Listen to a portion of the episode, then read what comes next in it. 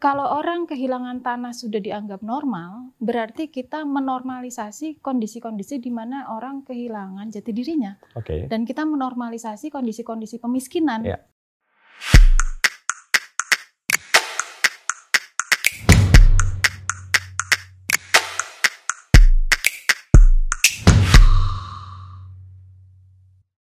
Halo teman-teman, ketemu lagi dengan saya Putut EA Kepala Suku Mojo. Dan di sore ini kami sengaja datang ke salah satu penerbit yang cukup tua di Jogja, tapi sebetulnya menurut saya bukan itu yang penting. Eh, penerbit ini adalah penerbit yang konsisten menerbitkan buku-buku yang menarik, buku-buku babon, terutama buku-buku tentang penelitian dan gerakan sosial uh, di Insis Press. Nah, di sore ini teman-teman di tempat yang menyenangkan ini saya akan ngobrol dengan Mbak Laksmi Safitri. Halo Mbak. Halo Mas Utut. Sehat selalu Mbak. Alhamdulillah Mas. Oke, Mas Ahmad Nasih Lutfi. Lutfi aja. Iya, Mas Lutfi. Mas Lutfi ini uh, sebetulnya tetangga saya ya Mas ya.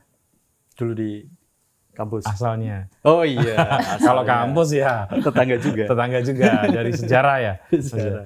Uh, dari Bangilan, wah kota santri kalau itu. Saya sebetulnya kalau berhadapan sama orang Bangilan itu agak keder sebetulnya. Karena itu pesantren tua mbak. Oh gitu. Iya. Uh, teman-teman, belakangan ini tentu perhatian kita semua uh, tertarik atau fokus pada kasus tentang Wadas. Uh, setelah itu tidak lama kemudian di Sulawesi Tengah juga terjadi konflik uh, tanah juga yang sampai sekarang masih kencang di media karena sampai menimbulkan korban jiwa. Tapi saya kira uh, saya berpendapat dan ini nanti yang akan menjadi bahan obrolan kami apa yang terjadi kasus-kasus seperti di Wadas, di Sulawesi Tengah maupun kasus-kasus yang lain, eh, kasus, sebetulnya hanyalah apa yang tampak di permukaan gunung es. Gitu.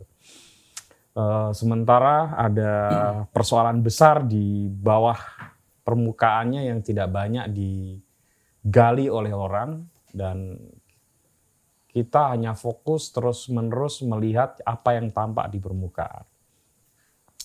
Nah, dengan dua orang yang saya anggap punya otoritas untuk membicarakan itu, saya ingin lebih banyak mengeksplorasi apa yang ada di bawah permukaan. Sehingga kita tahu duduk masalahnya yang pertama. Kemudian yang kedua, kita nggak akan kaget-kaget lagi kalau hal itu nanti mungkin akan terus terulang terjadi kalau tidak ada perubahan yang cukup signifikan dan mendasar. Karena sepertinya itu hanya akan satu kasus akan mengundang kasus-kasus yang lain begitu ya kira-kira. Nah sebelum itu nanti terjadi terus-menerus dan menyita perhatian publik, alangkah baiknya ada yang mencoba menyelam lebih dalam lagi. Dan di sini Mbak Laksmi adalah tokoh dokter ya Mbak ya. Dokter yang mendalami, dokter Jerman ya Mbak? Aduh. dari Jerman Ayo, mendalami banyak kasus tentang land grabbing dan persoalan-persoalan konflik agraria, Mbak ya. ya. Pernah aktif di Sayogyo Institute, ya, salah satu lembaga yang juga sangat uh, ternama dan punya legitim, legitimasi sosial yang baik gitu ya. Dan dengan Mas Ahmad Lutfi atau Mas Lutfi saja, beliau uh, saya kenal atau dikenal oleh banyak orang adalah peneliti sejarah tanah. Yeah. Jadi tanah itu punya sejarah. nah, dua hal ini yang semoga akan banyak me membantu kita menyelami apa yang saya maksud tadi. saya lebih dulu ke Mbak uh, Laksmi dulu. Mbak Laksmi kenapa sih punya perhatian pada persoalan agraria? Wah, itu pertanyaan yang sangat sulit dan uh, kerap saya pikirkan, cuma sampai saat ini saya nggak tahu jawabannya. kan uh, termasuk Mas Lutfi, Mas Lutfi ini sejarah tapi ngambilnya sejarah tanah gitu. Nah saya gini, banyak aktivis itu kan agraria itu persoalan yang agak dijauhi ya.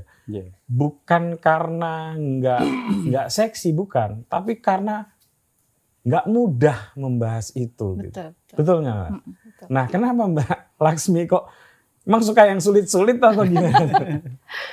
Sebenarnya mungkin nggak mudahnya ini mas, kalau bagi saya ya Hmm. ngobrol soal agraria itu sering membawa depresi karena banyak eh, apa kesadaran-kesadaran baru bahwa persoalan ini setiap kali dibicarakan gitu ya Iya. banyak mengundang kesadaran baru bahwa persoalan ini tuh seperti persoalan yang tidak ada jalan keluarnya mungkin itu yang membuat depresi ya Involutif gitu. Ya, eh dari waktu ke waktu ya pasti Lutfi sebagai sejarawan lebih lebih fasih menceritakannya. Ya. Tapi dari waktu ke waktu dan kalau mau ditarik sangat ke belakang, mungkin dari masa-masa bahkan zaman-zaman kerajaan ya, Ya. sampai dengan hari ini, itu persoalan agraria itu tidak pernah menjadi apa ya persoalan yang tuntas Hmm. gitu. Kalau kata Muhammad Tauhid eh, masalah agraria itu masalah hidup mati katanya gitu ya. Iya. Nah karena itu masalah hidup mati, jadi memang eh, kalau ngobrolin ini terasa berat. Betul. Kemudian ada sering rasa frustrasi yang muncul karena kelihatannya kok nggak selesai-selesai, kok ada yang baru lagi, kenapa? nambah banyak. Heeh, Gitu. gitu loh. Hmm. Ya terus kan pertanyaannya kan jadi kenapa ya? Ya, Gitu. ya. Kenapa begitu gitu? Beda ya misalnya mohon maaf bukan berarti me- apa ya mengabaikan atau memperingan problem misalnya untuk kaum buruh. Kalau problem di buruh kan kita lihat eskalasinya makin bagus ya Mbak ya. Artinya hak buruh makin terpenuhi, organisasi masyarakat, eh, organisasi buruhnya juga makin kuat gitu Iya, ya. ya. Nah kalau di persoalan agraria justru yang terjadi makin tahun makin banyak masalah gitu ya. Sebenarnya gimana ya Mas mendudukkannya? Em, ini seperti pedang eh, yang punya dua dua Sisi. bilah tajam Ya. gitu ya. Eh, di satu sisi ada keterbukaan pemerintah untuk mulai melakukan redistribusi tanah Oke. dengan melalui program reforma agraria. Hmm.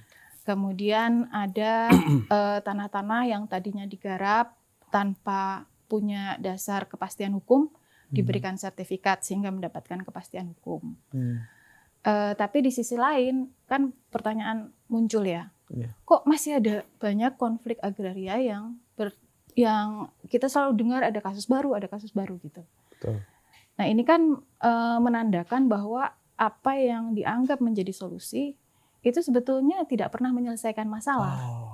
Gitu kalau kalau menurut Iya, saya ya. Iya, iya. Jadi a- kalaupun misalnya ada reforma agraria yang dijalankan oleh negara, tapi kemudian tekanannya kepada me- melakukan pengadministrasian pertanahan Oke.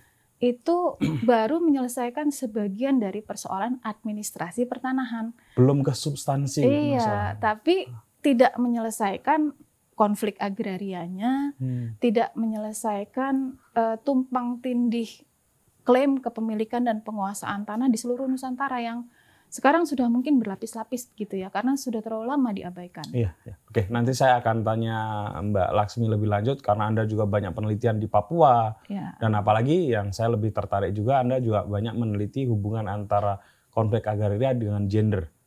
Nah, itu juga menarik lagi itu. Iya. Eh, Mas Lutfi, Iya mas. kalau jenengan Mas, wih santri Bangilan kok tertariknya dengan eh, sejarah tanah. Gimana Mas ceritanya? Em, salah satunya dijerumuskan Mbak Laksmi. Oh ya, tapi enggak dong waktu milih milih kuliah enggak kan? Kalau S1 saya konsentrasinya malah 65. berkaitan dengan Mas Putut, sastra. Oh, Saya bukan itu sejarah sastra. Oh, Menulis mengenai biografinya Umar Khayyam. Oh, Jadi sejarah sastra. Oke oke oke. Saya kira Baru- yang 1965 ya bukan ya? 65 itu riset yang agak-agak belakangan gitu ya. Oke. Yang kaitannya dengan tanah juga. Tanah sudah mulai tanah Ya, gitu ya. eh, mulai tanah setelah lulus saya kemudian diajak kakak saya Mas Sohib untuk aktif di Bogor. Di Sa- Sain Di- juga, saya kemudian Institute juga. ya kemudian mendirikan Segyo Institute itu. Jadi Ah. saya termasuk apa ya anak baru di Sayugo Institute yang baru lulus juga di 2005 itu. Dimentorin Mbak Laksmi dong? Enggak, Mas. Kami setara. Saya anak buahnya dulu. Sehingga dari situ akhirnya eh, ya mulai belajar, apalagi masih ada Profesor Sayugyo waktu itu. Oh. Itu tahun berapa ya Mas? Kok Kalau masih- Institute didirikan Maret 2005, Mbak ya. Mm, dari Saya lulus Maret 2005. Oke. eh, April, ya kemudian langsung masuk ke situ. Ah, Ya main-main aja sih, belum formal gitu. ya, ya. Karena memang waktu itu ya masih sangat cair kan. Hmm. Eh, lalu kembali ke UGM 2006 kuliah lagi dan akhirnya memutuskan untuk mm, menekuni soal-soal agraria. Hmm. Meskipun masih membawa keterampilan lama yakni menulis biografi sehingga saya menulis biografi Profesor Sayogyo, Pak Gunawan Wiradi, Ya. rencananya Prof Condro tapi saya tidak mampu sehingga akhirnya ya dua orang. Dan Rencananya akhir- empat, satu lagi eh, Bu Pujiwati Sayogyo. Dan akhirnya Anda mengajar juga di Sekolah Tinggi Ya Pertanahan akhirnya Negara ya. Nasional. Sekolah Tinggi Pertanahan Nasional Sekolah Tinggi Pertanahan Nasional, sorry. 2011. Ya. Oh. Jadi ada apa dengan persoalan tanah kita itu, Mas? Menurut alur sejarahnya. Jadi galur sejarahnya itu gimana sih? Persoalan agraria kita itu secara garis besar. Eh, yang menjadi rumit menurut saya karena memang tanah itu sesuatu yang justru sederhana karena dia adalah ruang hidup kita gitu kan Oke. tempat di mana semua habitat termasuk manusia itu tinggal sehingga karena sedemikian sederhana dan sedemikian melekat pada diri kita akhirnya dia sangat kompleks Hmm. ketika menekuni soal agraria ada relasi sosialnya sehingga kita harus belajar eh, sosiologi, antropologi dan semua nilai-nilai dan eh, apa namanya berbagai macam kebijakan yang pernah ada mengenai tanah Hmm. sehingga kita belajar sejarah Oh. lalu ada relasi-relasi apa fisik juga ekologi Hmm. eh, soal fisik tanah Tanahnya eh, gitu ya. tanahnya misalnya sekarang yang andesit yang akan dijadikan tambang Iya, iya. di wadas dan sebagainya itu. Jadi karena dia sangat sederhana dalam pengertian sesuatu yang sangat dekat dengan kita, maka dia sebenarnya sangat kompleks. Hmm. Sehingga mungkin itu yang menjadikan agraria itu ditakuti karena demikian kompleksnya gitu. Di banyak jurusan saya kira hukum agraria itu satu pilihan yang minor di antara jurusan-jurusan hukum yang lain. Di Ya. sejarah dulu saya juga begitu. Oh, sangat sedikit yang menekuni sejarah agraria meskipun guru-guru besar di eh, sastra UGM ya di sejarah UGM itu basicnya penelitian mereka adalah eh, sejarah agraria ya atau mungkin sejarah sosial ekonomi seperti Prof. Sartono, Ya. Joko Suryo, Mm-mm. hampir semua tentang Mhm. pajak, tentang tanah, pemberontakan, Pemberontakan petani, petani. ya. dan sebagainya. Dan eh, oleh oleh sebab itu kalau di era-era itu memang menjadi perhatian utama ya. Oke. Saya mau eh, mencoba menggali eh, gini, Mas. Apa perbedaan persoalan tanah kita? Satu, ketika belum merdeka dan sudah Hmm. merdeka. Dua, ketika 65. Tiga, ketika sudah reformasi. Itu aja deh. Kira-kira milestone-nya ke- yang lebih mudah gitu. Untuk dipahami oleh teman-teman gitu. Eh, saya kira eh, cara dan apa namanya visi di dalam melihat tanah yang semakin mengkomoditisasi tanah gitu. Iya. Kalau era sebelumnya eh, katakanlah kerajaan gitu ya. Kerajaan itu sebenarnya yang penting bukan tanahnya tetapi adalah orangnya. Karena tanah kan masih luas dan dianggap ya itu ciptaan Tuhan, siapa saja boleh menggarapnya sehingga penguasaan atas wilayah itu yang efektif adalah penguasaan terhadap orang. Oke. Eh, Saya menguasai berapa cacah gitu kan. Hmm, hmm, hmm. Artinya ya kesempatan orang untuk eh, apa namanya bekerja di atas tanah itu terbuka. Tetapi karena dia dikuasai oleh kerajaan, oleh raja, maka uh, dia diwajibkan untuk membayar uh, pajak dan upeti kepada kerajaan. Hmm. Tetapi ketika kolonial, uh, uh, Indonesia ditempatkan sebagai wilayah jajahan untuk mensuplai komoditas utama global berbasis perkebunan waktu itu. Eh, meskipun di sisi lain masih banyak juga masyarakat yang bekerja sebagai petani. Tetapi ketika kemudian ditransformasikan um, uh, banyak wilayah itu menjadi pensuplai komoditas perkebunan, maka terjadi penyingkiran-penyingkiran, maka terjadi hmm. pemberontakan-pemberontakan itu kan. Ada tanah-tanah partikelir yang sangat luas, ya. di hampir semua di Pulau Jawa begitu ya. Hmm dan akhirnya itu menjadi aspirasi bagi rakyat Indonesia bahwa namanya merdeka itu sebenarnya adalah merdeka dari sistem uh, tenurial yang sifatnya kapitalistik itu tadi. Oke. Okay. Oleh sebab itu saya Dan sering, itu memang faktual terjadi. itu faktual terjadi. Okay. Kalau membaca laporan-laporan uh, Memory Fund Overdraft atau serah terima jabatan para residen -hmm. di tahun awal abad 20 lah kita ambil uh, awal abad 20 saja itu hampir semua catatan prestasi yang kemudian diklaim sebagai prestasi para residen itu adalah ketika mereka melaporkan adanya apa kemampuan mereka untuk memadamkan pemberontakan-pemberontakan itu. Ya. Mulai dari Banten, Banten. Uh, tanah-tanah partikelir di sekitar Jakarta, Jawa Barat, itu kan terkenal sekali. Ya. Afdeling B di Garut dan seterusnya itu.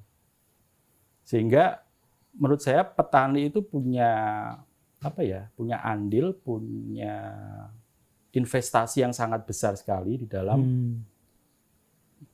politik dan militer saya kira untuk mewujudkan kemerdekaan Indonesia. Karena merdeka itu sebenarnya adalah aspirasi memerdekakan diri dari kolonialisasi atas tanah dan agraria itu tadi. Oh menarik ini. Kenapa saya juga menyebut punya investasi pada militer ya. karena akhirnya banyak yang jadi tentara oh, rakyat. Tentara-tentara ya? rakyat dulu hmm. ketika bergerilya ya di beri makan oleh petani hmm. dan dan pemuda-pemuda untuk tentara rakyat juga dipasok dari iya, anak-anak iya, mereka iya, ya. Anak mereka. Makanya dulu disebut ya TNI adalah tentara rakyat sebenarnya. Hmm. Kalau mau kembali ke hitohnya ya beda dengan polisi kali itu. Hmm. Kalau di tahun 65 Mas, di gegeran 65 apa yang terjadi? Peru, ada nggak perubahan persoalan tanah? Sebelum ke 65 mungkin di era Soekarno ya. Oh, nah, Soekarno, Soekarno menangkap ya? aspirasi itu. Hmm. Sehingga uh, proyek utama pembangunan Soekarno yang disebut sebagai pembangunan semesta berencana itu adalah uh, berbasis pelajaran PSBB. iya iya. Uh, tapi yeah. jadi lebih ngerti konteksnya. Yeah, yeah. Gimana mas? Oke. Okay. Itu pembangunan semesta berencana Soekarno itu berbasis pada pembangunan pedesaan dan pertanian. Makanya lahir namanya kebijakan land reform di situ. Sampai di, di satu sisi land reform, di atasnya teknologi ya. Uh, dulu nyebutnya industrialisasi pedesaan. Hmm. Buk, uh, yang menempatkan desa bukan sebagai apa ya uh, sebagai objek objek dan pihak yang mengkonsumsi hasil dari ah. industrialisasi tapi hmm. sebagai pelaku hmm. yang berpijak pada uh, pertanian dan pedesaan. Jadi ada transformasi yang dibayangkan dulu itu mulus gitu kan. Oke. Okay. Jadi bukan industrialisasi yang meninggalkan petani. A apa tetapi, pokok pikiran Soekarno itu, Mas? Kalau bisa di highlight. Oh, ya petani sebagai soko guru pembangunan itu dipakai lagi sebenarnya supaya orang-orang yang uh, mengatasnamakan Soekarnois atau Partai Soekarnois tahu persoalan iya, iya. ini gitu loh. Jangan-jangan mereka udah nggak Soekarnois lagi gitu kan. Itu dinyatakan di pidato 17 Agustus tahun 60 itu kan momen yang sangat sakral ya, ya. untuk menyatakan visi negara itu hmm. mengenai land reform sebagai apa itu uh, ini pembangunan tanpa land reform bagaikan gedung tanpa tiang, tanpa ya tempat dasar dan tempat tiang gitu. Oke. Kalau tidak salah begitulah. Ya, kira-kira begitu Kira-kira ya. begitu. Tapi substan- substansinya kita bisa Iya, tangkap. iya, iya. Dan itu direalisasikan oleh Soekarno. Dia re- realisasikan dengan dengan mengubah hukum agraria pertama-tama. Hmm. Sebenarnya mulai dari 46 itu kan kelihatan sekali aspirasi kemerdekaan itu agraria 46 langsung dibikin eh Panitia. ya panitia agraria, Panitia agraria. nasional. Hmm. Karena menyadari kita dijajah secara agraria sehingga merdeka harus merdeka secara agraria. Agraria. Oke. Nah, kalau politiknya 17 Agustus 45, isinya kan belum merdeka ini. Betul. si agrarianya itu. Oke. Tapi itu panjang sekali, Heeh. baru 1960 Hmm. Undang-Undang Agraria itu disahkan, lalu dilaksanakan dan reform, tahun itu juga sampai efektif itu 63 sebenarnya. Hmm. Eh, 64 itu ya udah mulai konflik, 64 itu ada kesepakatan-kesepakatan antar partai, karena Hmm. masing-masing partai punya Kepentingan. underbow organisasi Petani. petani, kemudian konflik. 64 itu semua pimpinan partai dipanggil oleh Soekarno untuk menyepakati bersama Hmm. Apa kesepakatan? eh, menahan diri. Jadi jangan melakukan klaim sepihak Oke. gitu. Tapi Aksi-aksi sepihak aksi-aksi ya. sepihak. Tapi biarkan reform ini ya memang karena ini agenda nasional harus dijalankan serentak dan bareng-bareng dengan melibatkan ya birokrasi dari pemerintah waktu itulah. Ya. gitu. Ada, ada pendataan dan seterusnya gitu. Hmm. Tapi ini kan belum belum didata aksi sepihak gitu kan. Sudah diambil alih gitu ya. Tapi juga karena ada birokrasi yang lamban dan kita masih bisa mengerti lah di tahun Iya, di tahun-tahun awal kemerdekaan ya. pendataan aja misalnya untuk Banyuwangi itu harus mendatangkan dari birokrasi yang di Kanwil Ah, di Surabaya. Hmm. Belum turun, atau udah turun, belum kerja sudah di terus 65. Terus terjadilah 65. Nah, pasca 65, ada nggak perubahan lagi konstelasi pertanahan kita secara politik dan sosial? Oh ya sangat besar, sangat mendasar perubahannya. Gimana Mas bisa diceritakan? eh, apa namanya yang menempatkan tadi itu petani sebagai pelaku dengan menyiapkan alat produksinya terlebih dahulu, Mhm. kemudian menempatkan petani sebagai alat produksi juga, tapi hanya menjadi Pekerja. pekerja. Menjadi pekerja. Kemudian revolusi hijau itu. Iya.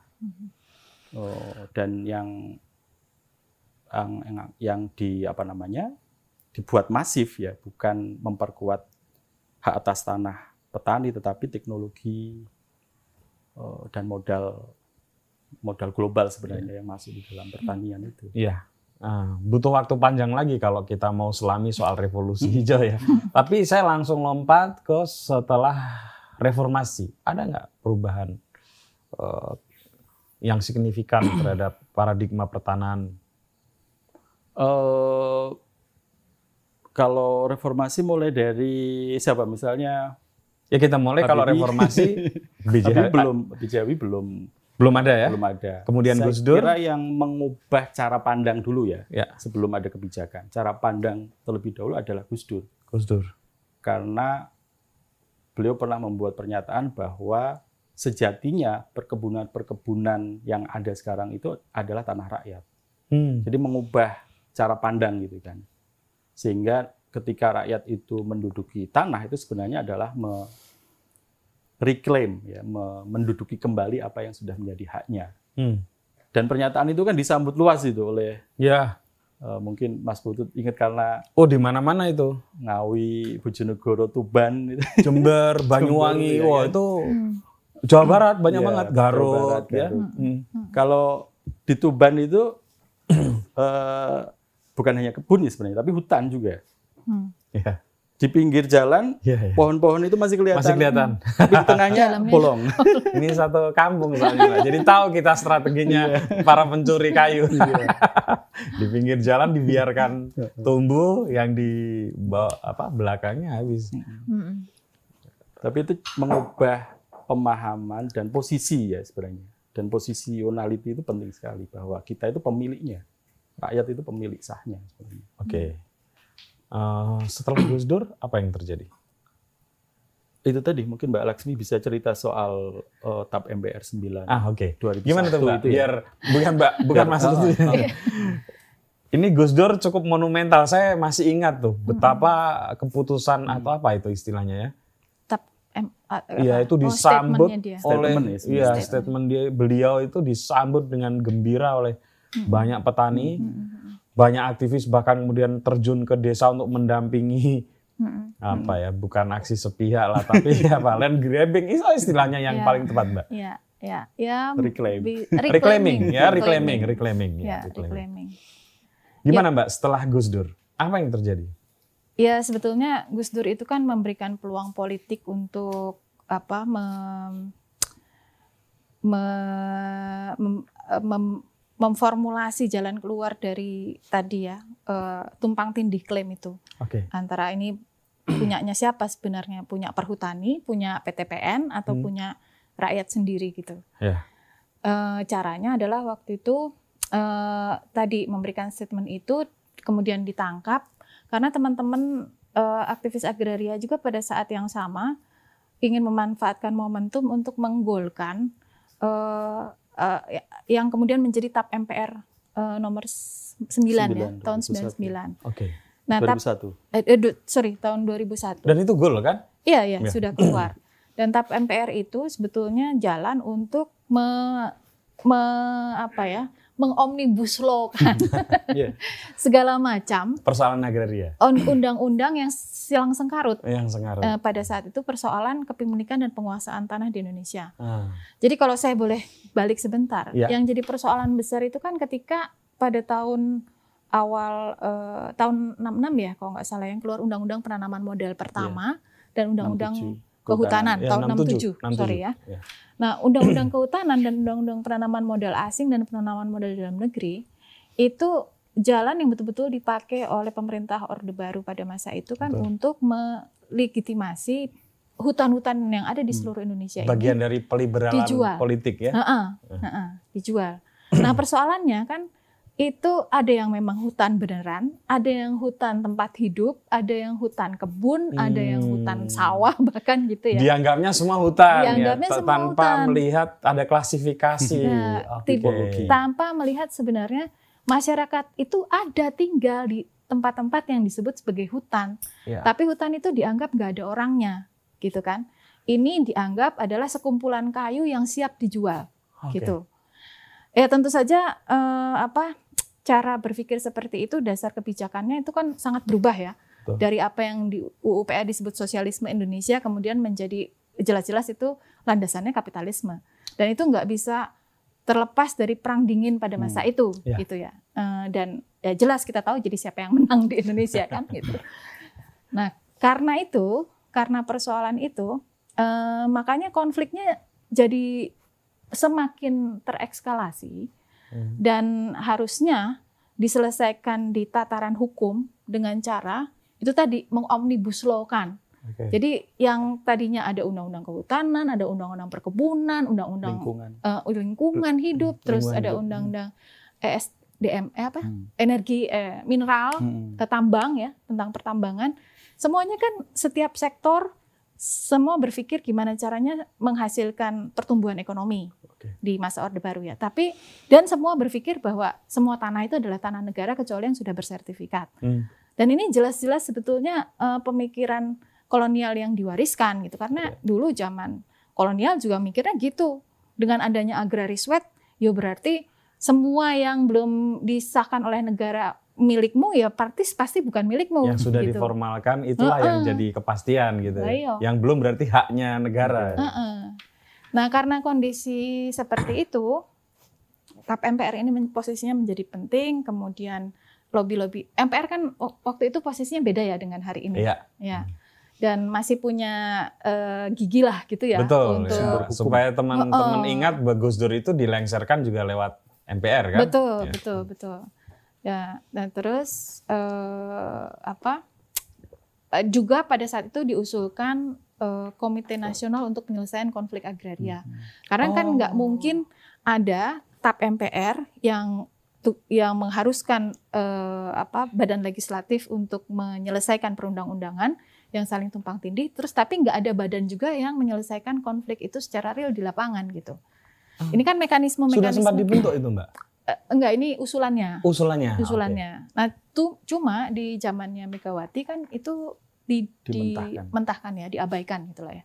Dianggap Usulan itu? usulan itu. Tapi tap. MPR-nya? tap MPR-nya itu seperti tidak berjalan ya sebenarnya ya. Setelah eh, ketetapan MPR tidak lagi menjadi sum- salah satu sumber hukum di. Indonesia. Itu setelah tahun Oh. berapa? Jadi di Iya, iya, degradasi iya, iya, iya. Iya, iya. fungsinya gitu. Artinya sebetulnya tap Sebe- MPR itu masih kalau- ada kalau- ya? Masa hari Belum ini? dicabut Belum atau belum dicabut. ada? Iya, iya. Hmm. Cuma posisi Sudah kehilangan powernya secara iya, hukum? betul, betul. Hmm. Itu satu perdebatan hukum lagi apakah sudah dipulihkan atau belum. Hmm. Seingat saya di Undang-Undang nomor berapa itu eh, TAP MPR dipulihkan lagi menjadi salah satu sumber di dalam hierarki tata hukum. Artinya di suatu saat jika itu sudah Dipakai dipulihkan bisa dipakai Betul. untuk Iya. mengadvokasi Iya. persoalan agraria dong. Oh, pasti. Pasti kan? Pasti. Oh, pasti. Tapi ya itu persoalannya kan sekarang eh, zaman yang sudah berbeda, ya bahkan lebih ganas dibandingkan dengan Gitu. zaman kita bicara soal Diganti omnibus, omnibus law tadi itu. Gimana mbak? Ganasnya gimana mbak? gimana ganasnya? Jadi Mas, gimana gimana? ya kalau kalau yang bagi saya tuh kalau eh, di masa-masa terdahulu ya apa-apa yang eh, tidak diselesaikan oleh presiden-presiden sebelumnya, makanya oleh Presiden Jokowi kan slogannya kerja kerja kerja gitu ya Hmm. untuk menyelesaikan PR-PR yang sebelumnya eh, apa namanya tidak terselesaikan. Salah satunya kan infrastruktur. Ya. Tuh. Eh, di satu sisi memang siapa sih yang mau menafikan bahwa infrastruktur itu penting untuk Betul. pertumbuhan ekonomi. Gak usah kita kita yang eh, apa bisa ngerasain jalan tol lah. Sekarang berapa jam sih dari Jogja ke Jakarta gitu Iya. ya? Eh, tetap ini saja ya, yang sederhana saja. Misalnya orang Dayak di pedalaman Kalimantan sana yang tinggalnya di hulu sungai. Ya. Mereka itu berharap ada perkebunan sawit masuk. Itu persoalan cuma satu, supaya ada jalan. Teman-teman di kampung Papua sana itu eh, waktu ada Trans eh, Papua. eh, eh, enggak waktu apa namanya ada investor mau masuk Hmm. untuk meminta tanah mereka di diberdayakan istilahnya mungkin gitu ya itu mereka bilang eh, apa mereka bosan miskin katanya gitu ya jadi kalau di sini ada jalan itu bagus buat mereka dan Hmm. saya merasakan sendiri memang jalannya itu luar biasa Jalan memang pintu masuk se- Hmm, eh, menuju hmm. kesejahteraan ya. ya Untuk Di- banyak hal ya. Tapi Iya. memang harus diakui sih mbak. Saya Iya, kalau iya. boleh cerita sedikit ya dulu. Ini saya kan banyak studi tentang cengkeh ya. Mm-mm. Dulu itu banyak para petani cengkeh. Cengkeh itu kan banyak yang di luar Pulau Jawa di ketinggian ya. Mm-mm. Jadi mereka sering dipermainkan oleh tengkulak. Mm-mm. Jadi kalau mereka sudah turun membawa cengkeh, Mm-mm. para tengkulak tahu bahwa petani nggak mungkin bawa lagi naik Mm. Mm. gitu. Jadi mereka permainkan harganya di bawah. Mm-mm. Nah, kalau sekarang nggak, mereka turun aja dulu naik sepeda motor, nanya harga sebelum ada HP ya. Mm-mm. Kalau nggak cocok ya udah nggak dibawa turun. Hmm. Gitu. Jadi itu menunjukkan apa ya? Memang penting banget sih. Nah, yang diceritakan sama Mas Putut itu, itu menunjukkan bahwa jalan itu ideologis, Mas. Tuh. Infrastruktur itu ideologis. Betul. Jadi jalan itu sebenarnya buat siapa, kan gitu ya? Iya. Nah, kalau misalnya iya. jalan itu menjawab persoalan tadi, petani, cengkeh, harga yang terhambat dan seterusnya, ya nggak jadi masalah. Tapi apa yang dibangun saat ini, eh, yang melalui proyek infrastruktur, public-private partnership, itu semua adalah upaya untuk memobilisir modal supaya dia itu semakin menggurita di Indonesia. Dan Ah. ini bukan menjawab persoalan masyarakat di pedesaan yang membutuhkan jalan jalan apa? Oke. Jalan operasional gitu ya. Iya, iya, iya. Tapi ini jawabannya kemudian menjadi jalan tol, menjadi tol laut, Atau menjadi jalan yang menjadi alur untuk pengerukan sumber daya alam yang sebelumnya tidak terjangkau. Iya. Iya, Karena sebelumnya nggak ada jalan. Betul sekali. Vulgarnya begitu. Iya kan? Saya kan Wong Sale mas, itu vulgar nih. Mbak Laksmi agak hati-hati sebagai intelektual gitu ya. Iya kan? Ya ada gunung, Iya. nggak ada jalannya, ya udah dibikin jalan supaya gunungnya bisa diambil. Kira-kira Ah, mudahnya gitu mbak ya. ya, betul Maaf loh kalau saya kasar mbak. Enggak emang emang begitu Iya benar kan? mas, benar mas. Nah, nah itu yang kemudian menurut saya inilah landasan yang mendasar dari persoalan agraria. Oke. Jadi apa bahwa persoalan tanah itu ideologis itu satu satu yang harus kita akui bersama ya. Dan kenapa dia nggak selesai-selesai? Karena dia menjadi menjadi ruang pertarungan ideologi. Dan ideologi itu bukan ideologi yang besar-besar itu loh mas, bukan kapitalisme lawan sosialisme itu Iya. enggak. Orang Tapi- makan, orang Iya. hidup Ruang sehari-hari. hidup Iya. Iya. Iya betul. Jadi kalau kita bicara tanah itu kan kita bicara dari ujung kaki sampai ujung rambut, bukan cuma bicara perut gitu, tapi bicara jati diri kita kan. Betul. Eh, makanya argumentasi teman-teman di Wadas kan kami ingin ada di sini karena ini adalah tanah leluhur. Ya. Orang pikir cuma di Papua ngomong begitu, tapi ternyata di Jawa juga ngomong begitu. Iya, gitu. iya, iya. Lah iyalah gitu ya Betul. maksudnya itu kan hal yang sangat sangat apa ya sangat seperti yang Mas Lutfi bilang sangat sederhana. Wong kita diwariskan tanah sama orang tua kita. Iya. Kalau misalnya nggak kepepet-pepet banget, masa nggak ada nilai apanya lah gitu ya yang nancep jelep gitu kan dalam nek kalau dijual yo piye rasanya gitu ya. Kalau dikasih tanah sama orang tua kan, Betul. pengennya kan dimanfaatkan gitu. Iya. Nah itu sesederhana itu itu loh mas. Juga ikatan manusia atas tanah. Relasi. Relasinya. Iya, jadi tanah itu bukan sekedar Dan bukan Komoditi. relasi relasinya juga bukan relasi biologis ya, tapi Bukan. juga relasi Spiritual. spiritual. spirit exactly. Spiritual. Betul, betul. Belum kalau sudah komunal yang ada di sana, Mm-mm. sudah konteksnya relasinya sudah sosial. Mm-mm, mm-mm. Ya. Eh, nah, Mas Lutfi kan mempelajari apa meneliti soal 65 tuh Mas. Hmm. Saya masih mau tuh karena itu kayaknya babak penting itu. Babak penting peliberalan Hmm. eh, Iya. Hmm. apa eh, persoalan agraria nih. Iya. Gimana tuh Mas? eh ya itu menjadi arus balik kalau beberapa itu saya, saya sebut ya Iya. beberapa tulisan saya sebut itu arus balik ya arus balik dari arah pembangunan dan ideologi negara itu tadi Hmm. eh, yang apa namanya spesifik untuk kasus 65 itu ketika para petani dan utamanya buruh tani ya bahkan Ya. mereka sudah diberikan tanah Hmm. itu kemudian distigmatisasi Oke. eh, oleh rezim eh, bahwa mereka ini adalah komunis Ya. sehingga ketika sehingga, sehingga dengan dalih itu kemudian mereka bisa disingkirkan. Jadi banyak sekali eh, penelitian saya di Banyuwangi itu misalnya eh, para buruh tani yang sudah eh, punya tanah dan bukti legal bahkan sudah sempat membangun rumah di atasnya. Itu karena peristiwa 65 akhirnya mereka diusir. Dan itu banyak sekali dan menjadi satu laporan resmi dari polsek-polsek di Jawa untuk melaporkan orang-orang yang pindah karena mereka takut ditangkap, karena mereka diusir, karena mereka oh, tercerai berai, anggota keluarganya sebagian sudah dibunuh dan seterusnya. Hmm. Jadi itu banyak sekali menjadi laporan resmi polsek untuk melap- me- Ya. mencatat itu. Ada orang datang baru yang tidak dikenal, Hmm. ada orang yang hilang. Secara demografis memang juga berubah Hmm. Ada satu riset sendiri secara demografis pasca 65 itu Mm. eh, perubahannya sangat Hmm. besar sekali. Jadi akhirnya membuat mereka ini takut tinggal lagi di tanahnya dan menyebar masuk ke dalam hutan.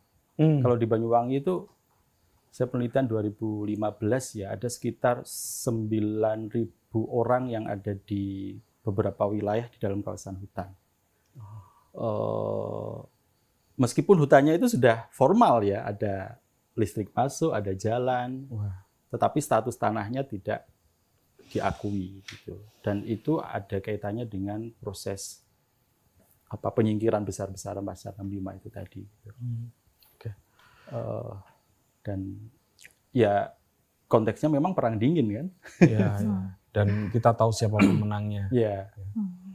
eh, apa namanya eh, kalau karena konteksnya perang dingin kemudian Amerika tidak me, apa namanya tidak apa, menginginkan terjadi revolusi seperti yang sebelumnya terjadi atau rev- revolusi merah seperti yang di Cina Hmm. makanya kemudian diganti dengan revolusi hijau itu kan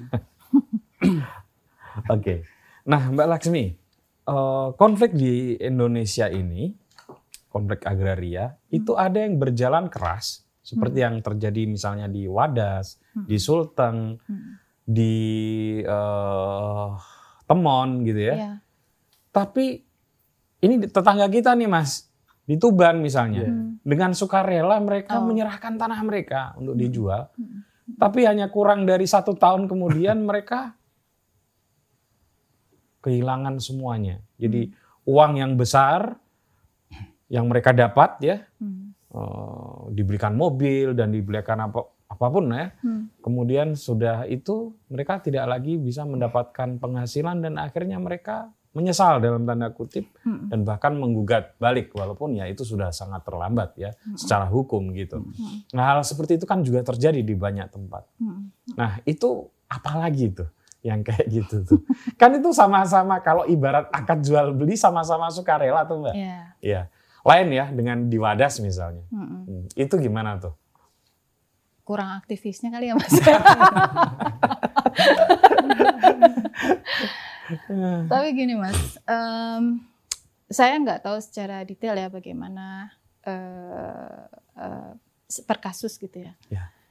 Tapi eh, semakin keterikatan orang kepada tanah itu semakin kuat, entah karena dia petani, entah karena dia eh, apa eh, masyarakat yang tinggal di sekitar hutan dan hidup dari sumber daya hutan gitu, Hmm. itu resonansi eh, apa ketergantungannya itu sangat tinggi gitu. Jadi Ya. dia sadar bahwa ini tanahnya ini harus subur. Kalau Hmm. enggak dia nggak makan. Betul, Hutannya ini harus baik, airnya harus baik gitu. Kalau enggak dia nggak hidup gitu. betul. Nah, itu kan kalau karena disebut ruang hidup, jadi ada hubungan yang eh, tidak bisa dibahasakan gitu. Ya. Hubungan spiritual, betul. Hmm. Hubungan spiritual antara orang dengan tanahnya. Iya. gitu. Nah, sehingga a- ada yang nggak bisa diisi oleh uang di situ gitu. Hubungan spiritual itu nggak bisa di- dihargai gitu. Maksudnya Betul. mau dikasih tag price berapa sih itu gitu. Mhm. Nah, pada pada level tertentu eh, ada juga kondisi masyarakat yang tidak bisa mempertahankan itu karena memang tanahnya terlalu sempit atau akhirnya dia tinggal di tempat-tempat yang sudah terkepung. Ya. Di sebelah sini pabrik semen, di sebelah situ eh, apa jalan Perumahan. tol, Betul. misal Perumahan. Iya. atau sebelah sana perumahan. Lah terus mau gimana gitu? Iya. Mau bertani udah nggak mungkin karena airnya udah semakin buruk misalnya gitu Atau atau terlalu sempit lahannya. atau lahannya terlalu sempit, dia mau cari kerja jadi buruh tani juga di tempat-tempat lain juga sudah semakin berkurang sawahnya, Hmm. kan problematis ya. Betul. Maksudnya begini, problematis itu secara struktural dia tuh nggak punya pilihan gitu loh mas. Iya. Jadi kan uang satu miliar kelihatannya banyak banget. Kalau dipakai hidup ya sebentar. Ah, Apalagi makanya. dipakai beli mobil. itu dia. ya, ya saya pikir itu sangat wajar ya kalau misalnya udah lama pengen ngelihat apa pengen nge- pengen punya mobil atau uh, terus tiba-tiba dapat uang 1 m yang pertama pengen dibeli ya mobil uang tiap hari ngeliat mobil Ya. seliweran di depan rumah Ya. nggak pernah punya seumur hidup Hmm. tiba-tiba punya uang 1 m ya dibeli mobil lah gitu kan dan itu juga terjadi tema- di teman-teman yang eh, apa direlokasi di bandara juga ya. Ya. mereka di beberapa eh, apa media itu kan diangkat ba- bahwa kondisinya pada hari ini juga kehidupannya tidak se- seperti yang mereka bayangkan intinya Nah, yang meresahkan dari itu sebetulnya, Mbak, eh, masyarakat yang awalnya mandiri Hmm. dan sangat produktif, Hmm. mereka itu kan kaya ya sebetulnya. ya Hmm. betul Sangat kaya kan mereka Betul. menghasilkan sesuatu, Hmm. bisa hidup termasuk yang bisa kita lihat di Wadas lah ya. Hmm. Duriannya, petenya kan bisa dihitung semua itu. Hmm. Hmm. Walaupun ya menurut saya itu nggak cukup hitung-hitungan itu. Kan ada hitung-hitungan kedamaian hati, iya. ya. Hmm. relasi antar manusia Iya, dengan tetangganya, betul, betul. Hmm. eh, aktivitas sehari-hari mereka dengan tanah itu kan nggak gimana tuh ngitungnya. ya Kan saya misalnya penelitian di Gunung Kidul banyak tuh petani yang kalau nggak ke sawah sakit. Iya. Itu kan Iya, nggak bisa betul. kita hitung tuh. Heeh, heeh, heeh. Nah, menjadi kelompok masyarakat yang kemudian tidak produktif. Ya, Iya, iya. ya, ya. Jangankan menjadi buruh, kadang-kadang juga menjadi buruh pun enggak gitu. Mm, mm, mm. Nah itu bukankah itu menimbulkan problem sosial yang lebih besar lagi di kelak kemudian hari, Mbak? Ya, Mas. Kalau saya melihatnya tuh eh, ini berbahaya ya, malah gitu. Bukan hanya sekedar eh, problem sosial, mungkin ada proses pemiskinan, kemudian eh, ada apa eh, kemungkinan masuk ke dalam jerat trafficking misalnya, Eh, mungkin ke arah sana gitu ya. Jadi ada proses apa pemiskinan yang tidak diharapkan, tapi terjadi secara secara struktural itu tadi gitu ya. Hmm. Tapi yang yang lebih pertanyaan yang lebih dalam lagi bagi saya kenapa begitu gitu ya? Oke. Eh, kenapa kemudian teman-teman yang eh, apa namanya kehilangan tanahnya, kemudian pegang uang banyak, terus eh, sebenarnya masih ada uangnya, tapi dia di rumah nggak punya kerjaan, itu stres gitu loh mas, Iya, iya. ya kan? Iya. Nah ini kalau kalau eh, berlanjut-lanjut itu kalau ditanyakan itu kenapa? Karena sebetulnya jangan-jangan ya eh, siapa diri mereka itu sudah di-delete tuh loh, Hmm. Betul. gitu. Ini iya. Ya, se- sebelum Mas Lutfi berpendapat, se ini ada teman saya, Mas Marjuki Muhammad tuh ada Hmm. riset sedikit di kampungnya, itu menarik tuh. Kan itu di Prambanan, banyak petani di sekeliling rumahnya. Jadi yang anaknya sebagian sudah berhasil, Hmm. itu menginginkan bapak ibunya nggak usah kerja. Hmm. Yuk mereka distorin aja duit, Hmm. udah Hmm. sawahnya udahlah disewain atau dijual atau diapain. Apa yang terjadi? Kebanyakan dari mereka sakit. Iya. Itu kan relasi itu yang saya sebut itu Iya, iya. gimana tuh cara menghargai itu. Anaknya juga wong Jawa ngomong kemajon. Padahal ya kalau dibiarkan saja orang tuanya bekerja mungkin malah justru sehat Iya. ya Iya, betul. secara fisik maupun. Dapat vitamin D. Ah, gimana Mas tadi Mas menanggapi Mbak Iya. Lasmi? Ya persis itu tadi yang dibilang Mbak Laksmi. Se- Sebenarnya tanah dibutuhkan, tapi manusianya tidak dibutuhkan, bahkan luweh gitu. Kamu Oke. nanti nasibnya seperti apa Dieksklusi ya. tidak Hmm. lagi dipikirkan. Hmm. Dengan hanya mengganti rugi sekian miliar bahkan mungkin rupiah itu sebenarnya em, mengembalikan nasib mereka kepada kepentingannya sendiri-sendiri terserah. Nah, menurut saya negara memang kurang kreatif untuk memikirkan secara lebih baik gitu ya. Bagaimana misalnya ya kalaupun terpaksa dia dalam tanda kutip terpaksa tersingkir dari tanahnya, kenapa tidak berusaha untuk dimasukkan di dalam sistem produksi yang sedang dibangun itu? Tapi jadinya mereka jadi buruh nanti. Nah, sayangnya lagi kita kehilangan Ya bukan berarti jadi buruh Imajinasi. jelek ya, tapi kan Ya. menjadi petani yang awalnya produktif dan mandiri gitu kan beda kan dengan menjadi buruh. Misalnya misalnya nih yang jelas nih pabrik semen nih, ya. yang jelas-jelas di kampung saya nih. Mm. Kan orangnya berproduksi, menjual jagung, menjual padi gogom ya dan lain-lain. Tiba-tiba jadi satpam. Ya, Ya. Satpam untuk sebuah pabrik yang itu dalam tanda kutip sudah meng, apa ya? Ya mengingkari eh, jati diri dia Iya, gitu. Ya, kenapa mereka tidak dimasukkan ke dalam misalnya ya eh, pemilik saham aktivitas ekonomi yang sedang dibangun itu. Tapi Gubernur Ganjar pernah ngomong ini, walaupun saya agak nggak tahu ya. Iya, iya. Maksudnya Tapi saham memang- pabrik itu gimana? eh, ketika kita diskusi soal isu sumber daya ini ya, agraria ini, kita juga sedang kehilangan imajinasi tentang sistem ekonomi itu loh. Dan dulu itu satu paket kan Mm-mm. dibicarakan itu Hmm. mengenai demokrasi ekonomi, pembangunan semesta berencana itu. Oke. Sehingga ekonomi kita sekarang ya berbasis pada korporasi gitu. Mm-mm. Eh, saya sering eh, menyampaikan ke beberapa mahasiswa yang penelitian soal misalnya NIA itu ya. Hmm. Kenapa sih pilihannya Nia selalu itu eh, eh, New New- Yogyakarta New udah nggak new lagi sekarang. Oh iya, iya. Apa ya? udah hilang ya, Yogyakarta ya pokoknya bandara internasionalnya Jogja lah, Heeh. Airport. eh. airport ya. Pilihannya pertama kan ganti rugi. Dan eh, negara sudah nggak peduli lagi nasibnya, ganti rugi itu mau dipakai apa. Kemudian kalau tidak begitu, dilibatkan dalam aktivitas ekonomi yang sangat marginal itu tadi. Jadi buruh, jadi tukang ngepel, dari... eh, saya kenapa ini masih saya bilang, kenapa kamu nggak tertarik untuk meneliti kemungkinan mereka menjadi investor? Jadi sekian miliar pengganti rugi tadi itu berapa persen dijadikan sebagai investasi, sebagian untuk modal mereka ingin melaksan, uh, menjalankan aktivitas ekonominya dan seterusnya. Sehingga hmm. ya bangunan ekonomi kita itu sebenarnya kalau mau apa uh, ekonomi apa kopra, berbasis koperasi seperti konstitusi kita itu hmm. mulai dirintis kembali gitu ya, mulai di, dipulihkan menuju ke sana lagi, tidak sepenuhnya berbasis korporasi. Gitu. Ya. Kalaupun itu terpaksa. Agak, agak ideal, walaupun aplikasinya sepertinya rumit. Saya nggak tahu karena anak-anak muda sekarang buktinya juga terbiasa bermain investasi kan mas. Betul. Oh, Enggak untuk melakukan bahkan, negosiasi dengan state gitu. Bahwa mereka oh. bagian dari investor terhadap proyek tertentu gitu itu kan mungkin tidak mudah ya. Uh, ya perusahaan-perusahaan yang membuka investasinya sebenarnya juga mestinya menyediakan itu, itu. Menyediakan itu. Ya kalau ya, negara kan? mau kan oh, mereka bisa aja bikin aturannya. Aja, gitu. Juga perseorangan yang terbuka kan banyak sekali sekarang. Ya. Oke. Okay. menurut saya perlu dicoba itu untuk yang betul, betul. ekonomi ekstraktif. Ya, tapi gitu. mungkin gini, Mas. Iya. Itu kalaupun terpaksa loh. Kalaupun ya. terpaksa, karena kita masih ada persoalan yang lain di ekonomi ekstraktif ya, Mbak iya, ya. kalaupun terpaksa. Iya. Eh, iya, itu satu gini.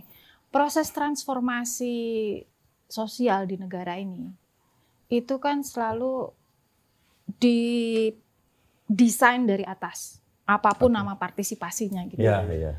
Sehingga segala macam proyek yang datang itu selalu menjadi eh, tiba-tiba bagi orang yang ada di lokasinya dan menjadi bencana gitu karena dari awal mereka nggak pernah merasa terlibat dalam proses-proses pengambilan keputusan itu gitu meskipun hmm. ada mekanisme apa musrembang des sampai ke ke apa ke level nasional tapi kan apa yang dibicarakan di desa itu karena demokrasi sudah lama hilang ya, ya jadi apa yang dibicarakan di desa itu uh, hal-hal yang bagi negara itu sifatnya jadi karikatif, entah bikin okay. jembatan, yeah. bikin jalan dan seterusnya.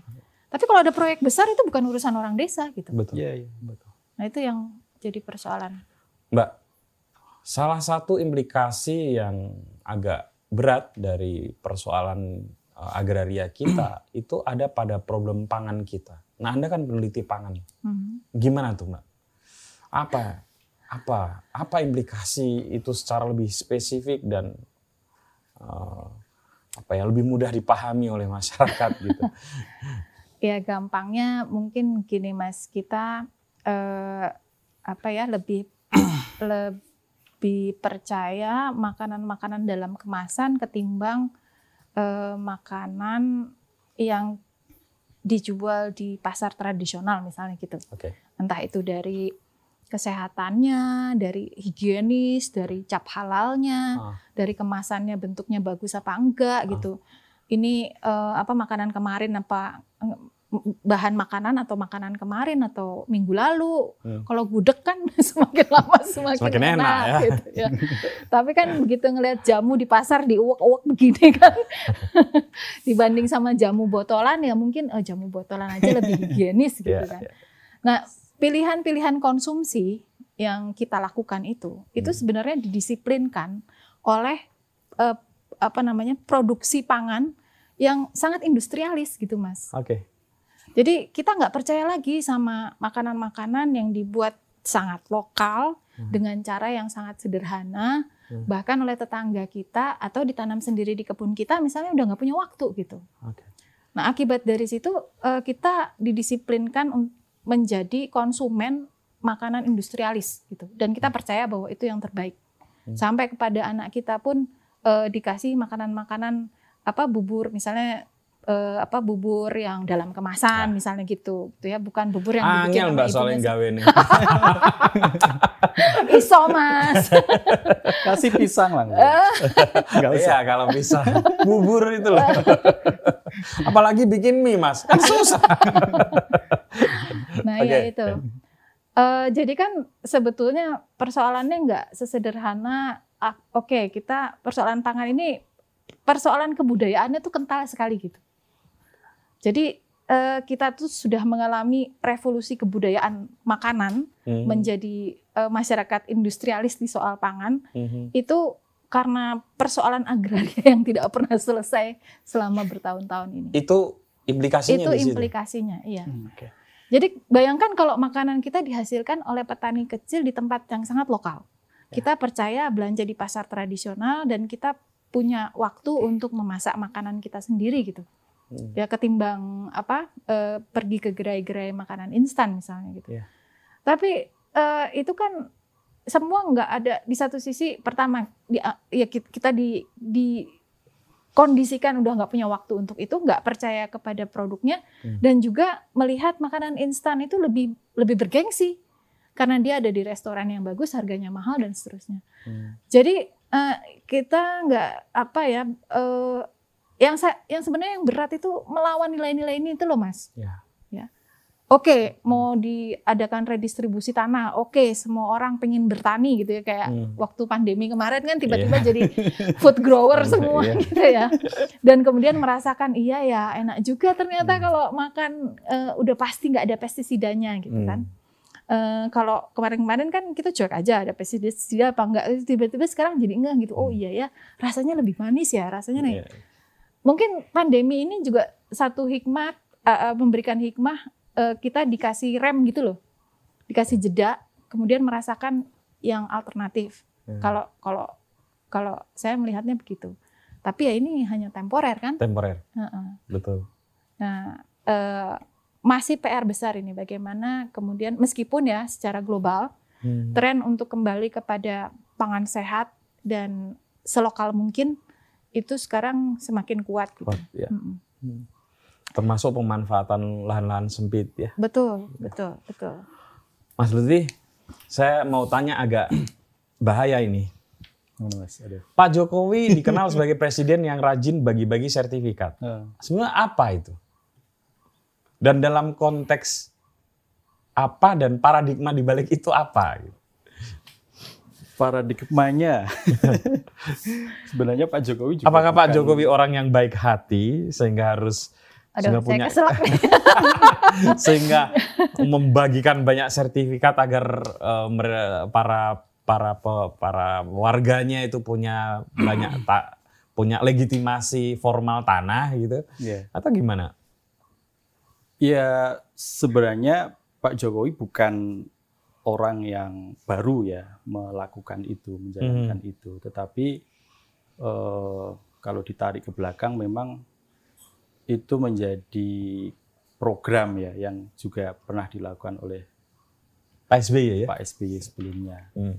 Namun yang menjadi persoalan sebenarnya adalah sertifikat itu eh, maknanya dan fungsinya nanti akan eh, dimanfaatkan untuk apa. Kalau tujuan utama sertifikat adalah memastikan hak dari orang-orang yang katakanlah mau reclaim dan terancam untuk digusur, kemudian dikuatkan klaimnya dengan sertifikat, maka itu tentu saja baik gitu kan. Hmm.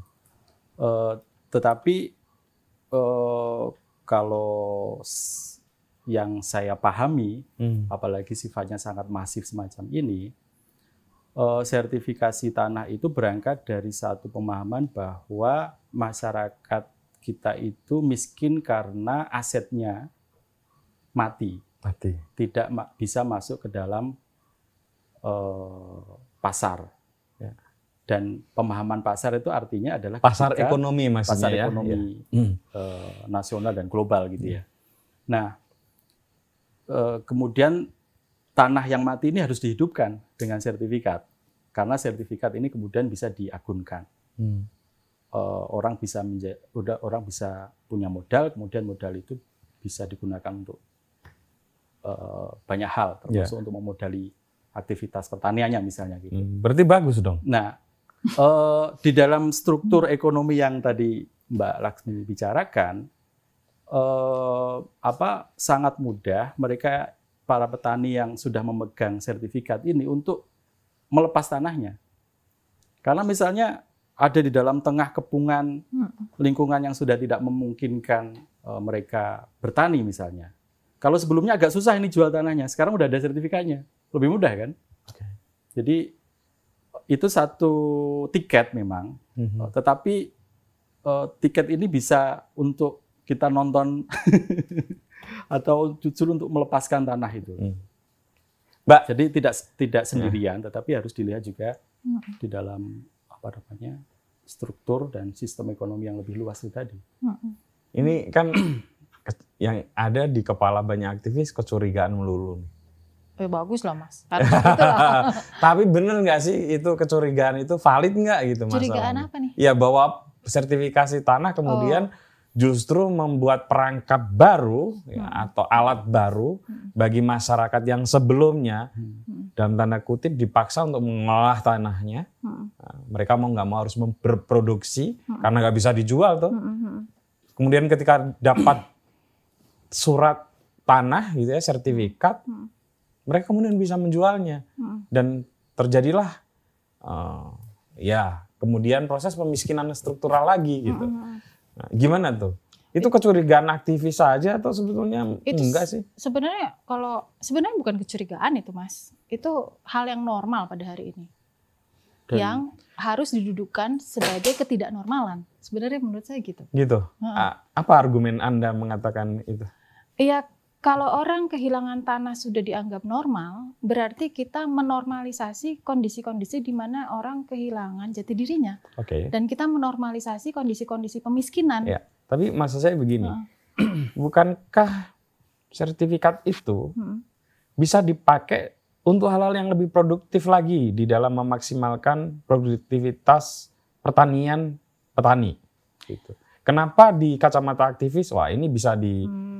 Dijadikan proses pemiskinan struktural nih, bisa Hmm, dijual ke ya, ya, perusahaan, ya, bisa Iya, begitu. iya, iya. Nah, Nah, ke- iya betul Mas. Ya kalau misalnya tanahnya luas, pastilah. Karena siapa juga sih yang mau mengagunkan tanah cuma dapat 20 juta itu buat pertanian tuh punya apa bisa bikin apa gitu ya. iya sih. Eh, tapi artinya kan gini, yang bisa mendapatkan manfaat dari sertifikasi tanah itu, Ya. itu adalah petani-petani yang memiliki tanah luas. Oke. Nah, kalau petani-petani yang memiliki tanah sempit, mereka tidak rasional untuk mengagunkan itu ke bank dan tetap bertahan dengan pertanian yang skala kecil itu. Karena pada hari ini pun kalau mereka tanpa tanpa sertifikat pun mereka eh, ber- kekeh bertani misalnya di lahan yang sempit itu mereka harus nambal dari pendapatan-pendapatan yang lain kan. Ya. Apa bedanya gitu dengan lahan yang sama ditambahin pestisida, ditambahin pupuk, produktivitasnya nggak akan meningkat seperti kita menyuntikkan apa sesuatu ke ap- apa namanya eh, seperti jin gitu loh digosok tiga kali terus Iya, iya. bisa keluar gitu kan nggak gitu gitu ya Ah. Eh, apa lahan pertanian itu butuh proses panjang gitu untuk dia meningkatkan produktivitas nggak bukan bukan sekedar masalah modal Hmm, bagi petani kecil itu problematis gitu oke. tapi bagi petani luas tentu akan sangat menguntungkan Ya. dan itu akan dipakai untuk membeli tanah-tanah yang kecil tadi yang tidak subur Oh. dan kurang menguntungkan itu Hmm, dan berarti kemudian- terjadi sentralisme kepemilikan ya, kemungkinannya juga. proses di Indonesia kan saat eh, eh, problem di Indonesia yang lagi banyak dibicarakan kan soal inequality ya Oke, setuju saya. Nah, kalau kita bicara soal ketimpangan, itu nggak menyelesaikan masalah ketimpangan gitu. Hmm. Tadi itu, bu- jadi kenapa itu bukan kecurigaan? Karena alternatifnya jadi cuma dua gitu loh, mas. Hmm. Kalau punya tanah, nih siapa dulu nih yang punya tanah Ya. bersertifikat? Kan pertanyaannya siapa dulu gitu. Betul. Nah, kalau dia nggak lari jadi buruh tani, dia lari jadi pemodal, misalnya gitu. Hmm. Nah, kalau dia lari jadi pemodal yang satu jadi buruh tani, apakah itu menyelesaikan ketimpangan? Berapa sih eh, apa ongkos eh, apa eh, upah buruh tani sampai hari ini gitu? Kan nggak pernah berkisar lebih dari 50.000 ribu per hari itu. Hmm. Ya. ya. Dibandingkan dengan buruh bangunan aja, udah buruh Jauh. bangunan udah dua kali lipat. Iya, makanya itu banyak buruh tani yang beralih ke buruh bangunan ya. Iya, memang. Iya benar, benar benar. Nyari di banyak tempat Benar, nyari benar. buruh tani itu sudah susah. Sudah susah, Hmm. iya. Oke, Persis. ini pertanyaan terakhir karena sudah satu jam. Hmm. eh Mbak Sa- Laksmi dulu. Ini eh, hubungannya tanah dengan gender apa sih? Nah, ini juga menarik nih. Walaupun ringkas tapi perlu di di uh, apa ya, di sedikit dikulik lah karena hmm. saya melihat banyak advokasi atau banyak perlawanan petani hmm. gitu ya hmm. yang ada di barisan depan adalah para ibu-ibu. Hmm. Gitu. Apakah ada hubungan tertentu antara tanah dengan perempuan hmm. atau sebaliknya gitu. Hmm. um, tanah dengan perempuan itu uh, kalau ditanya apa hubungannya dia dimediasi oleh banyak hal mas oleh okay. tanaman oleh air oleh keberadaan hutan yang berisi tanaman obat-obatan dan seterusnya gitu okay. jadi uh, perempuan itu ada yang bilang ah terlalu esensialis gitu ya menganggap perempuan itu hubungannya dengan alam itu sebagai sesuatu yang natural. Hmm. Tapi kalau uh, kalau saya kurang sepakat gitu. Uh, terhadap yang esensialis. Ter terhadap uh, tuduhan, tuduhan esensialis itu, itu okay. gitu.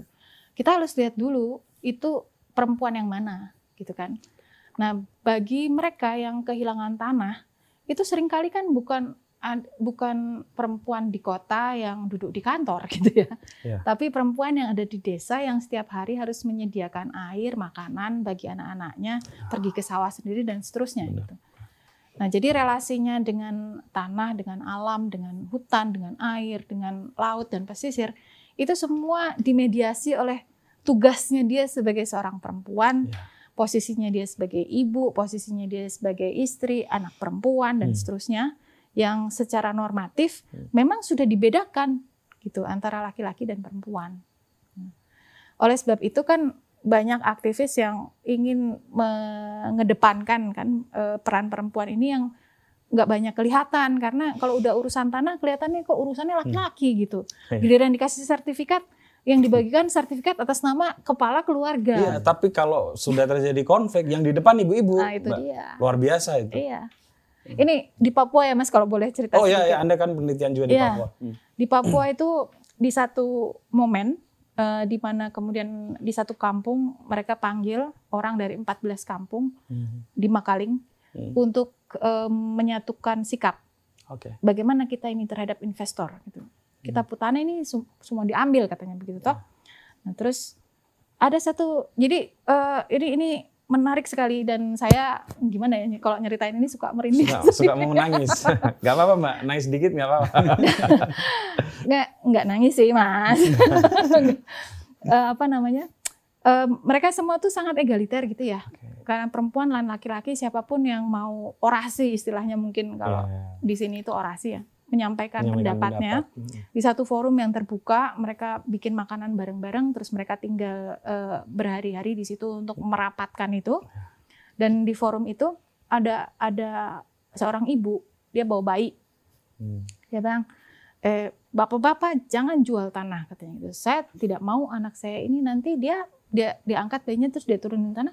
Dia injak uh, kakinya ini bukan di tanahnya dia nanti dia mau ke mana katanya gitu Nah, itu kan bahasa yang sederhana untuk iya. mengatakan bahwa uh, uh, apa ya, yang tidak pernah dipikirkan dalam proses kehilangan tanah itu adalah problem generasional gitu. Betul. Jadi Betul. sebetulnya uh, kalau tanah itu hilang kepemilikannya, hmm. yang menderita tuh bukan orang pada hari ini. Hari ini, ya benar. Nah, tapi generasi benar. di masa depan, gitu. Oke, okay. Mas Lutfi, uh, kita ini kan melihat sekarang ini gini deh. Uh, beberapa hari yang lalu uh, salah satu staf KSP di wawancara TV itu menyatakan ke publik ya bahwa proyek strategis nasionalnya Presiden Jokowi itu sudah uh, mendulang aduan 1282 kalau nggak salah gitu.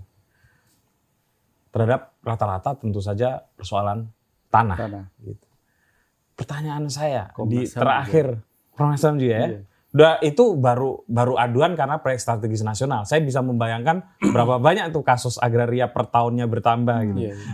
Ya. Nah, tapi pertanyaan saya begini.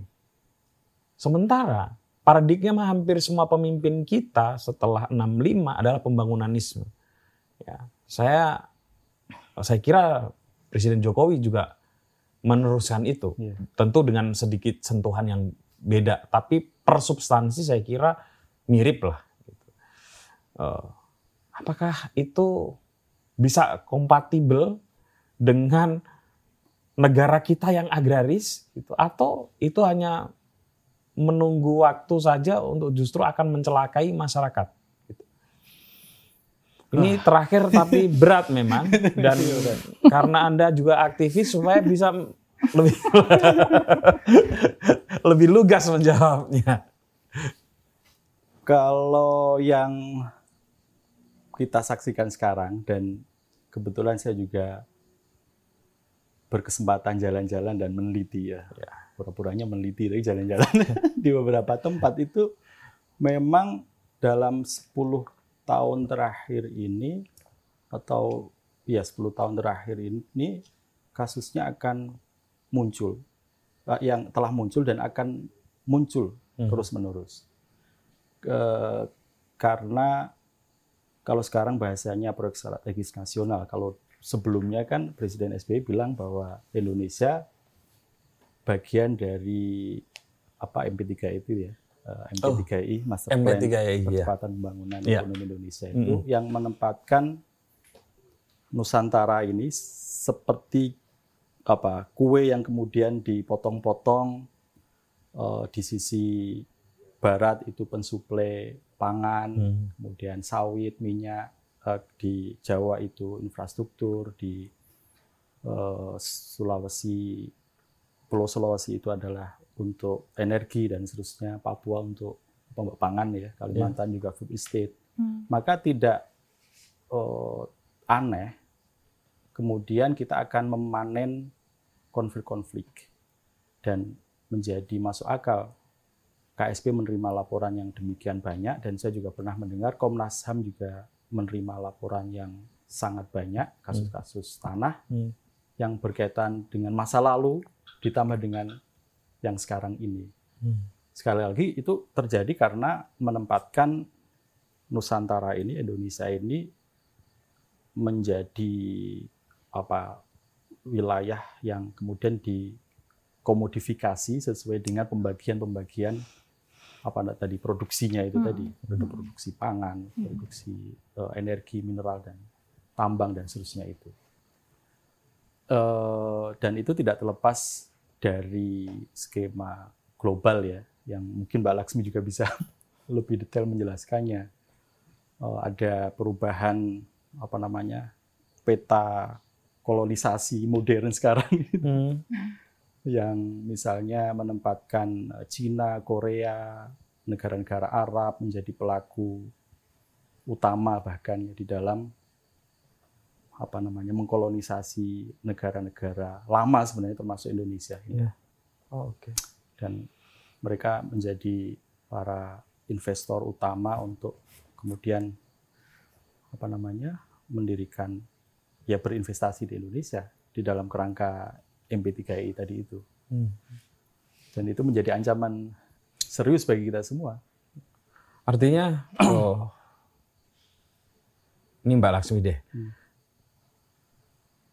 Kita berarti akan menuai kasus-kasus seperti di Wadas lagi dan lagi, Mbak? Lagi, Mas. Lagi. Pasti ya? Itu hampir ya kalau 2024 masih gini-gini aja dan kayaknya masih gini-gini aja ya kita tahu ya siapa yang akan naik gitu ya. Kita mau berharap apa gitu. Ini kan bisnis as usual. Ya.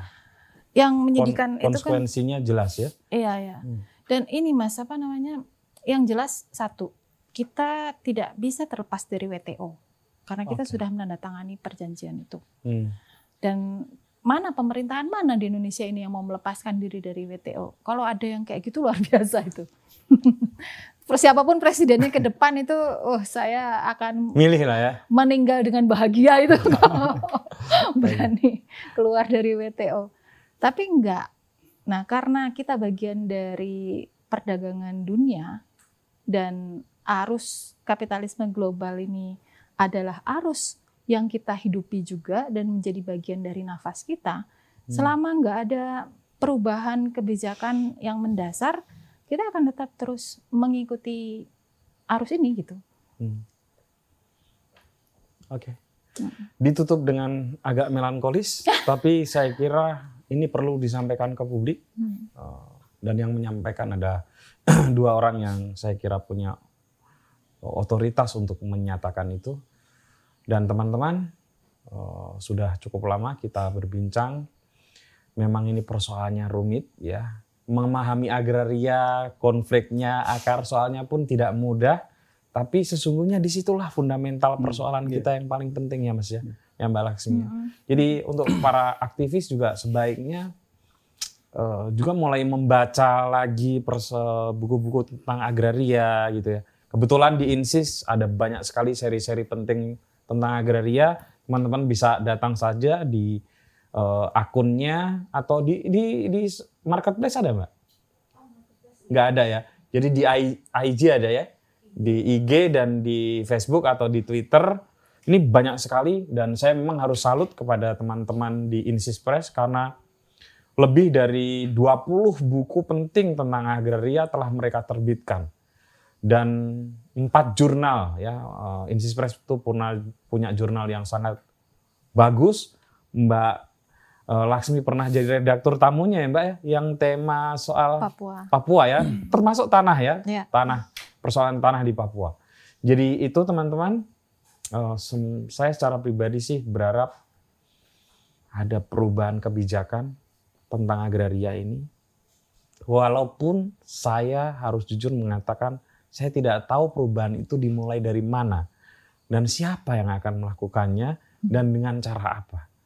Karena kalau hanya ganti presiden, saya kira hanya akan meneruskan Hmm. Kesepakatan global. Ya, kira-kira begitulah. Hanya akan berbeda narasi sedikit saja. Iya. Ya, dan sentuhan-sentuhan sedikit. Saya kira harus kita akui dari Pak SBY bahkan ke Pak Jokowi pun hanya beda istilah aja kan Hmm. tentang persoalan agraria.